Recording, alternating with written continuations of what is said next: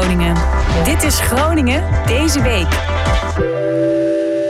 Leuk dat je luistert. Mijn naam is Joeke Woersma dit is eh, Groningen deze week. Zometeen ben je in 10 minuten weer bijgepraat over het eh, belangrijkste nieuws van afgelopen week uit Groningen. Deze week kwam uh, uit nieuw onderzoek naar buiten dat er steeds minder wordt gerookt. Maar in Groningen roken we relatief wel veel in vergelijking met de rest van Nederland. Het percentage Groningers dat rookt is gedaald tot 20 procent. En onder de jongvolwassenen rookt nog 27 procent van de Groningers.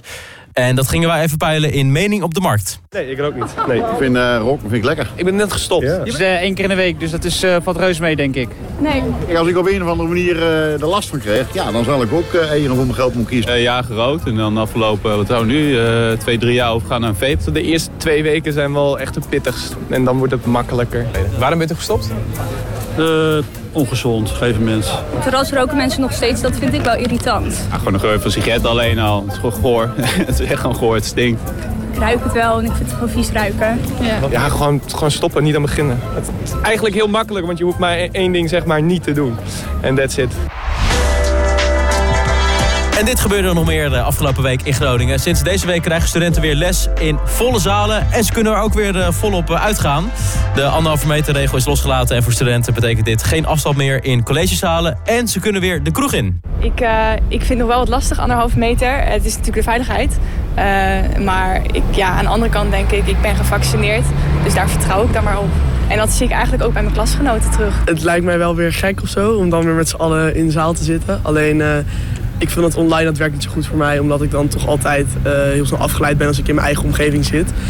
Dus uh, op het moment dat ik zeg maar weer in een zaal zit en er gewoon door een docent tegen gepraat wordt, door een professor. En je kan het zeg maar op dat moment zelf meekrijgen. denk ik wel dat dat beter werkt voor mij in principe dan uh, online. Ik heb eigenlijk nog geen verschil gemerkt. We hebben één college gehad, nou dan was ik een half uur te laat. Dus ja, dat hielp ook niet echt mee. Dus ik was een kwartier.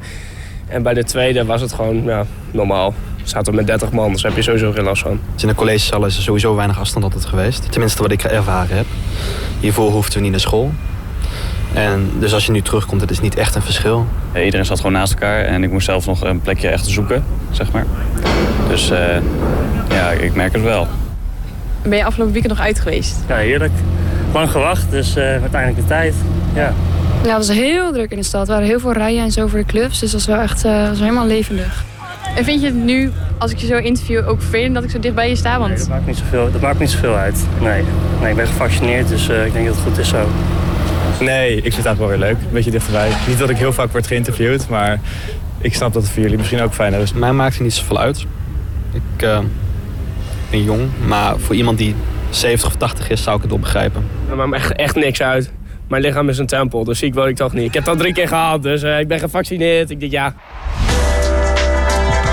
En er werd afgelopen week geprotesteerd door medewerkers van het UMCG. Ze willen betere arbeidsvoorwaarden. Als werkgeversorganisatie NFU niet snel over de brug komt met betere arbeidsvoorwaarden en een hoger loon voor medewerkers van universiteitsziekenhuizen, wordt er op dinsdag 26 oktober opnieuw gestaakt door FNV-leden. En je hoort nu Erna van Stitruijen van UMCG. Er zijn nu een heleboel mensen, de schalen 1 tot en met 6... die krijgen maar 1% loonsverhoging in drie jaar tijd.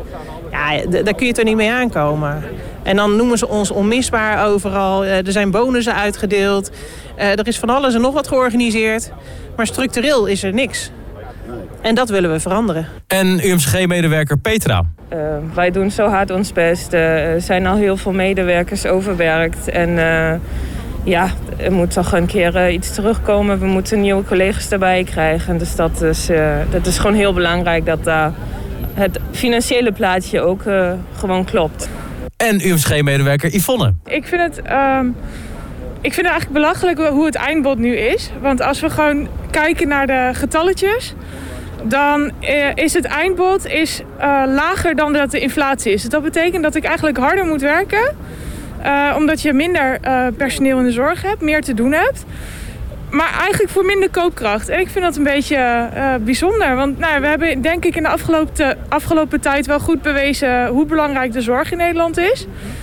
En het voelt eigenlijk een beetje als een uh, ja, tik tegen het achterhoofd van uh, hoe het eindbod nu is.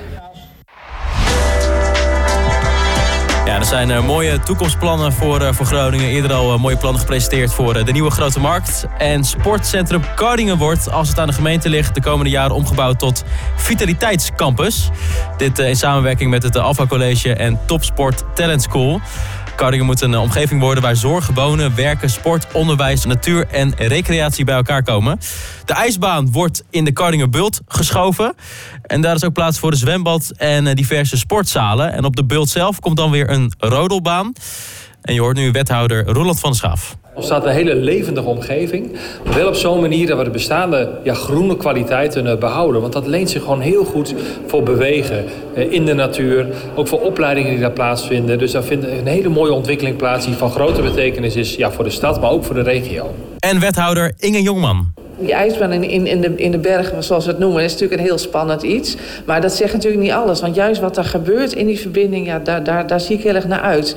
En als ik dan een beetje door mijn oogharen naar de toekomst kijk, zie ik in 2030, ja, dan, dan, dan wordt daar, is er beweging. Er zijn daar jongeren die er met plezier naar school gaan, inwoners die daar sporten.